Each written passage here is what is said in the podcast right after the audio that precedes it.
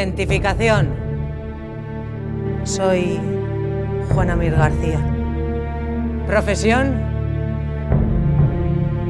Periodista y escritora. Lugar de trabajo. Trabajo en casa y en el periódico La Tarde. En la tarde, en ese panfleto, y no he sabido qué más añadir, solo he podido mirar al suelo. Lugar de trabajo. Trabajo en casa y en el periódico La Tarde. La tarde, en ese panfleto, y no he sabido qué más añadir, solo he podido mirar al suelo. He permanecido sentada mientras ellos estudiaban mi caso.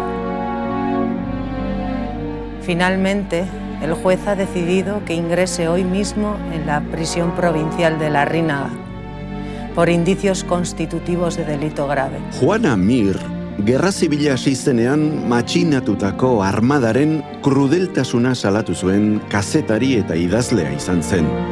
Idatzi honengatik eta beste batzuengatik gogor zigortuko dute, baina ez dugu ezer aurreratuko. Gogora institutuak ia hogeita bat mila hildako dokumentatu eta identifikatu ditu Euskadiko gatazkaren ondorioz. Biktimen zenso horretan baloratzen da zenbat hildako gertatu ziran gerra garaian eta gerra ostean. Mila beratzeron da hogeita maseitik, mila beratzeron da berrogeita bostera, hain zuzen ere. Guzti horien gandik, beratzeron da laro lau izan ziren emakumezkoak. Biktima guztien euneko bost. Datu horiek, lurdez errastik eman dizkigu. Arantzadi zientzia elkarteko antropologia saileko adituak. de las cuales 18 fueron ejecutadas o fusiladas tras un consejo de guerra, 42 fueron asesinadas extrajudicialmente, el número de mujeres víctimas eh, de un bombardeo fue 527 y el número de muertas o de fallecidas en cautividad fueron 223 mujeres. Además, hubo 13 mujeres que murieron en el frente. Asunción Badiola, historialaria eta idazlea da. Bera da La decisión de Juana Mir, Juana Mirren erabakia, liburuaren egilea. La tarde egunkariko kazetaria. Atalau berarekin ireki dugu. Gerra zibilak hil eta historia gaztu zituen emakume fusilatu horien oroimenez, gertatutakoa kontatu behar da.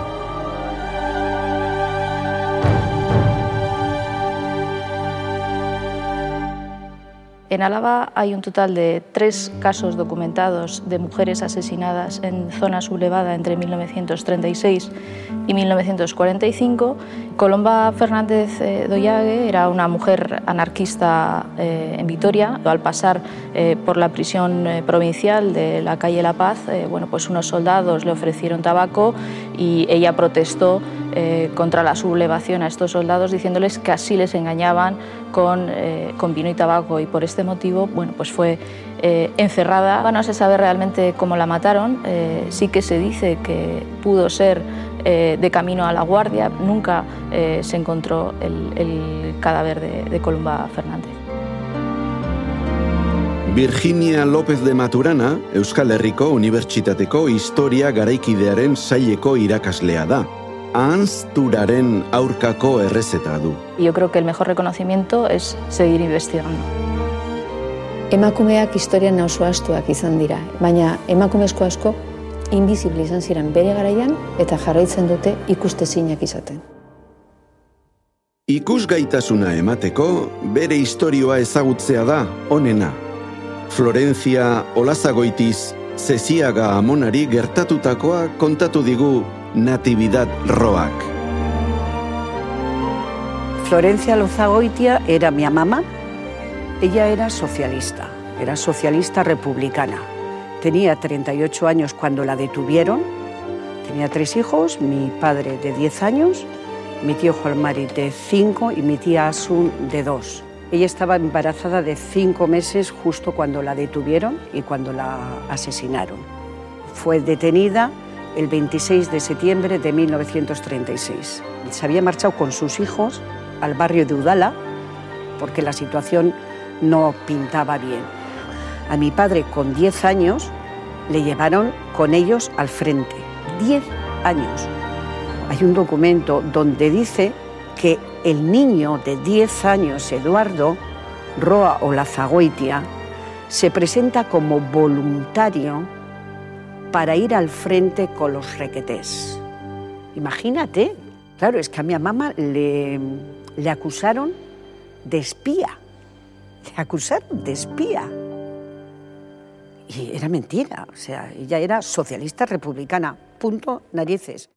Zergatik esekutatu zen hogeita emeretzi urteko emakume hau? Zein zen arrazoia?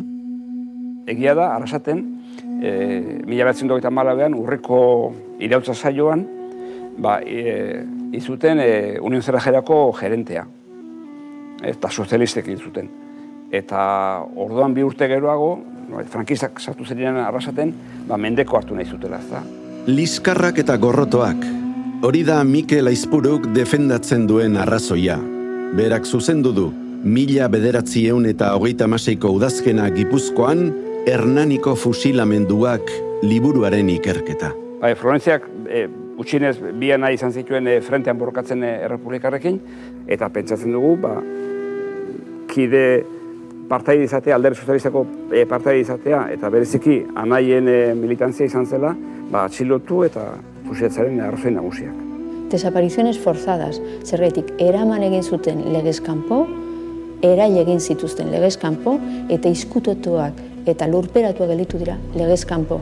Pertsona ezagun batzuk edo herriko pertsona batzuk erailtzearekin nahikoa da beldurra ezartzeko herri batean. Zigortzen duzu emakume honen burua edo emakume publiko bat eta emakume guztiak beldurtzen dituzu. Aritz Ipinak errepresio frankistari buruzko ikerketan egiaztatzen duen tesia da. Juan Amir, kazetaritzaren aitzindaria, garbitzeko eredu ona zen. Yo era la única mujer periodista del periódico La Tarde y también colaboraba con la revista Radio. Y es que por aquel entonces yo me sentía feliz. Tenía la profesión que había soñado, la vida me sonreía. Acababa de conseguir una columna entera para mí sola. Mi columna. La mujer escribe iba a ser un salto cualitativo en mi profesión. La voz de Juana se vuelve una voz potente, una voz potente que denuncia claramente, sin ningún tipo de tapujos, eh, lo, que ella, lo que ella piensa sobre la guerra y sobre lo que está ocurriendo. Todo lo que escribe tiene que ver con su talante pacifista, en el sentido de que, por ejemplo, ella sueña con un mundo sin fronteras, sin salvoconductos, un mundo ideal, digamos, en el que no haya guerras. ¿no? Eriotza ez gain, emakumezkoek eh, jasan zuten errepresio berezi bat. Beraiezko errepresio hori, gehien bat izaten zen bere itxura fisikoa zela eta. Hau da, bere itxuraen eh, humilazioa sortarazteko. Se les hacía pasear por la calle después de haber ingerido aceite de recino para que pues, a la vista pública eh, eh, se cagaran encima, literalmente, ¿no? y fueran vejadas e insultadas y que la gente se riera de ellas. Monika Kalbo antropologoa da eta komunikazioan eta generoaren inguruko ikerketa sozialean lan egiten du. Ondo daki emakumek jasandako errepresioa berezia izan zela. Sí hay evidencias de que hubo violencia sexual. Evidentemente ha sido un arma eh, que ha sido utilizada por todos los regímenes, sobre todo impositivos, que ha habido a lo largo de la historia, ¿no? El control del cuerpo de las mujeres a través de la violencia sexual. Nuestros valientes legionarios irregulares han demostrado los rojos cobardes lo que significa ser hombres de verdad. Y de paso también a sus mujeres. Esto está totalmente justificado porque estas comunistas y anarquistas predican el amor libre. Ahora por lo menos sabrán lo que son hombres y no milicianos maricones. No se van a librar por mucho que derreen y pataleen. Sevilla irratiko lokuzio hau, Gonzalo Keipo de Llano generalarena da. Emakume errepublikanoen aurkako eraso sexuala eskatzen du. Que nada es loable en la guerra, pero hay en ella hechos de un salvajismo tal, de una vileza tan grande, que muchas veces me pregunto asombrada a qué clase de seres pertenecen los que se encargan de consumarlos. Hay que hacer imposible la guerra para no hacernos cómplices de sus horrores. Artikulu honek, dignidad humana giza duintasuna du izena, eta Juana Mirrek idatzi zuen mila bederatzieun eta hogeita masazpian. Bertan, argi ikusten da, bakearen aldeko bere apustu pertsonala. Nahi zuten ezan bereziki e, beldurra sortzea eta humilatzea. Be, alegia, e, aurreko bost urte horietan, Errepublikako urteetan, izandako e, askatasun giro hori ezabatzea. Eta askatasun giro hortan parte hartu zuten emakumeak zigortzea. Eta ekainaren emeretzian, Frankoren tropak Bilboko kaletan direnean, Juana Mirrek badaki atxilotu egingo dutela. Negué el miedo y el instinto de peligro y por eso estoy aquí, ahora, oyendo cómo tocan el timbre y aporrean la puerta para que abramos. Ahora sé que el momento ha llegado. Mila bederatziun eta hogeita masazpiko ustailaren seia zen. Después de pasar la noche en comisaría le trasladan ya a la cárcel de la Reina. En esos días supongo que ella conoce el terror de las sacas. Emilio Molak garbi asko utzi zuen bere aldarrikapenean Fronte Popularren kontrako errepresio egin zutela eta bere ideologi hori erakusten zutenak fusilatu edo erreprimituak izan behar zirela. Eta bete egin zituzten beraien aginduak. Eta horregaitik bereziki lehengo hilebetetan, hau da, ustailetik urria bitartean, hor erailketa asko gertatu ziren. Normalmente los asesinatos extrajudiciales eh, se hicieron en, sobre todo en 1936. Se dio el pistolerismo, hubo muchos pistoleros, gentes paramilitares, grupos que eh, iban por las casas de madrugada, tocaban, golpeaban en la puerta y se llevaban a la gente y la asesinaban en las conetas. Tenían derecho, tenían libertad. Había suficiente libertad como para, con una simple acusación de una persona del pueblo, detener, llevarles a la cárcel, fusilarles, asesinarles, hacerles desaparecer. Natividad Roa, Florentziaren bilobak, ozen eta gogorritze egiten du. Francisco Bengoak ere bai, Emeteria Arantzaburu Zabalaren bilobak. Emeteria Arantzaburu Zabala era mi abuela, que vivía en el caserío Arane, en Marín, en la antiglesia de Marín, cerca de Escoriaza, y que tenía nueve hijos y se dedicaba a las labores del caserío. Tenía 57 años cuando la cogieron y la llevaron a Ondarreta y luego a Hernani y la fusilaron. ¿Cuál fue el pecado de tu abuela? Pues yo creo que tener tantos hijos, porque por otra cosa no entiendo por qué, y viviendo como vivían en un caserío. Ez da ulertzen. Ez dago inongo logikarik horren artean. Ze egia da, fusilatu zituzten hainbat lagun hor bizi ziren. Eta orduan, gu petxitzen dugu arrazoi izan zela, edo auzoko bat esalatzea, edo pentsatu, informazioa ebida da pasatzen aldetik bestera. Egun batean, bere alabek janaria kartzelara eraman ziotenean, erantzun hau jaso zuten. Eta orduan, ba, familia arteko bat joaten zen, saski batekin, ba, emeterentzako jana eramatea, eta egun batean, urriaren e, hogeita batean inguruan esan zituen, ez ekarri gehiago, zeia ez dago hemen.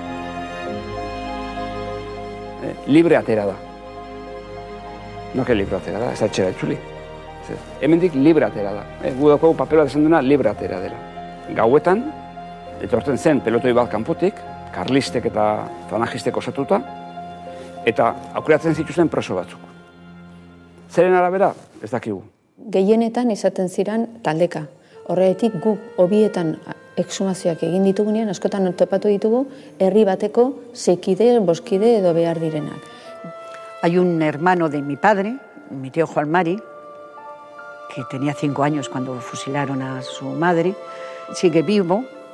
Eh, a él se le hizo la prueba de ADN pensando que algún día pues eh, los restos estos serán sumados y podremos saber, conocer si está en Oyarzun, si está en Hernani, si no está. Nos da mucha pena que no se puedan recuperar los restos porque eh, nos hubiera gustado y eso es lo que tenemos. Parece que no han existido y existieron, existieron. Después de 85 años, esto es terrible, ¿eh? Después de 85 años todavía, todavía no sabemos si mi mamá está en Hernani o está en Oyarzun. No sabemos ni lo que le pasó. Errepublikako fusilatu askoren kasuan, no, tragedia bekoitza da, fusilatu zituzten, eta bezetik familiak ez dauka toki bat, esateko ba, hemen fusilatu zuten, edo hemen dago.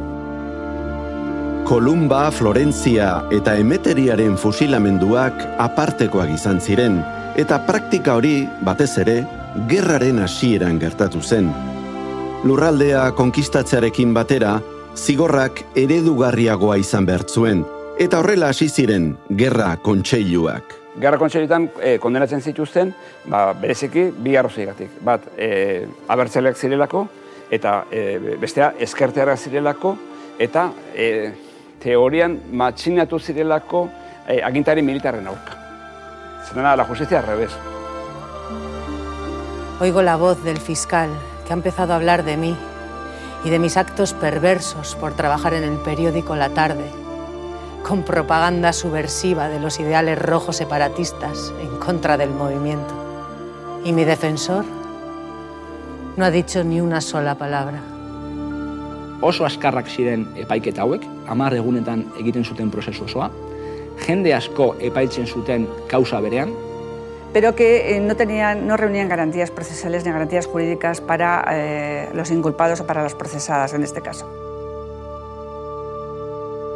Berta Peña Parraren kasuan, Ramon Romero Biloak eskatu du, arren artxibo militarretan gordetako espedientean, amona eta familia desoratzen ez segitzeko. Y nosotros lo que pedimos es dignificar a, a mi mamá y declarar de una vez de que fue procesada en juicios sumarísimos, militares, sin garantías procesales, ¿eh? Declarar nulos de raíz todo este tipo de montajes y de juicios. Yo me niego a que hoy sigamos estando callados en silencio y sin poder hablar de los nuestros. Eso es lo que pedimos. Berta Peña zestaun bizi zen, fusilatutako emakume gehien dituen herrian. Estaba casada y tenía cinco, cinco hijas. En ese momento tenía 42 años. Mi mamá era una socialista, nunca lo negó. Y lo que nos ha llegado es que a mi mamá Berta se la tenían sentenciada, gente de, de derechas, porque en las elecciones que gana el Frente Popular, ella como apoderada del Partido Socialista, pues en su colegio electoral denunció algún, algún pucherazo por parte de, gente de, la derecha. Montan ese juicio militar sumarísimo donde a Berta la acusan de inducción a la rebelión y eso en el código militar pues la hubiera llevado, al igual que llevó a otros vecinos, a la cadena perpetua. A Berta y a, otro vecino les ponen el agravante de perversidad, que es un agravante que les lleva a la pena de muerte. Y esta es la parte que yo considero que era la que demonizaba a las mujeres porque el juicio que se estaba haciendo era un juicio moral. Es decir, era una mujer mala no solo para la vida social, sino que era mala para el régimen. Y por tanto no, debería, no debía de convivir con la gente de su municipio. La madrugada del 12 de, de marzo del 38, cuando la ejecutan, está, está fatal, está fatal, y se les escapa del pelotón de fusilamiento. La encuentran entre, en fin, algunas tumbas y ahí la ejecutan con un tiro en la cabeza. Eso lo dice el propio atestado de, de, del forense. De pronto he oído. Fallamos, que debemos condenar y condenamos a Juana Mir García con los agravantes de peligrosidad social y trascendencia de los hechos realizados a la pena de muerte. Yo pienso que Juana no, no midió bien eh, con, quién se las estaba, con quién se las estaba jugando. ¿no? Me emitió su opinión tal cual pensaba y en ningún momento pensó que le iba a pasar lo que, lo que, le, que le, lo que le pasó.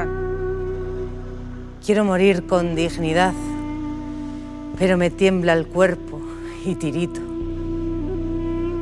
Es el destemple del alba, pero sobre todo es el miedo a la falta de compasión y al gesto de hielo de los militares que invade mi cuerpo. Juana Mir, mila bederatzieun eta hogeita masazpiko abuztuaren bostean hiltzen derioko hilerrian. Eta haren oroitzapena, senide eta gainerako aiden artean geratu zen. Creo que es importante el, el, poder recordar a una mujer que es precursora en el mundo del periodismo, en un momento en el que no había mujeres periodistas, en ese momento ella fue a base de tesón, consiguió esa, esa columna y desde luego bueno, pues le costó la vida. ¿no? Horientzat eta haien familientzat bakarrik geratzen da, estatuak bere memoria babestea eta ordaintzeke duen zor hori kentzea. Frankismoa bukatu zela, berroi urte pasatu dira, eta oraindik ez dakigun non dauden e, hildako askoren e, korpuak eta ez dago esperantzari gainera aurkitzeko.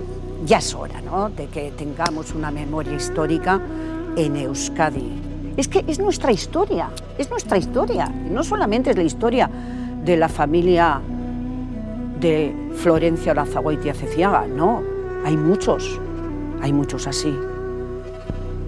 Los mataron, pero no pensaron que los muertos tenían vivos y los vivos tenían memoria. Esa es la memoria que queremos recuperar.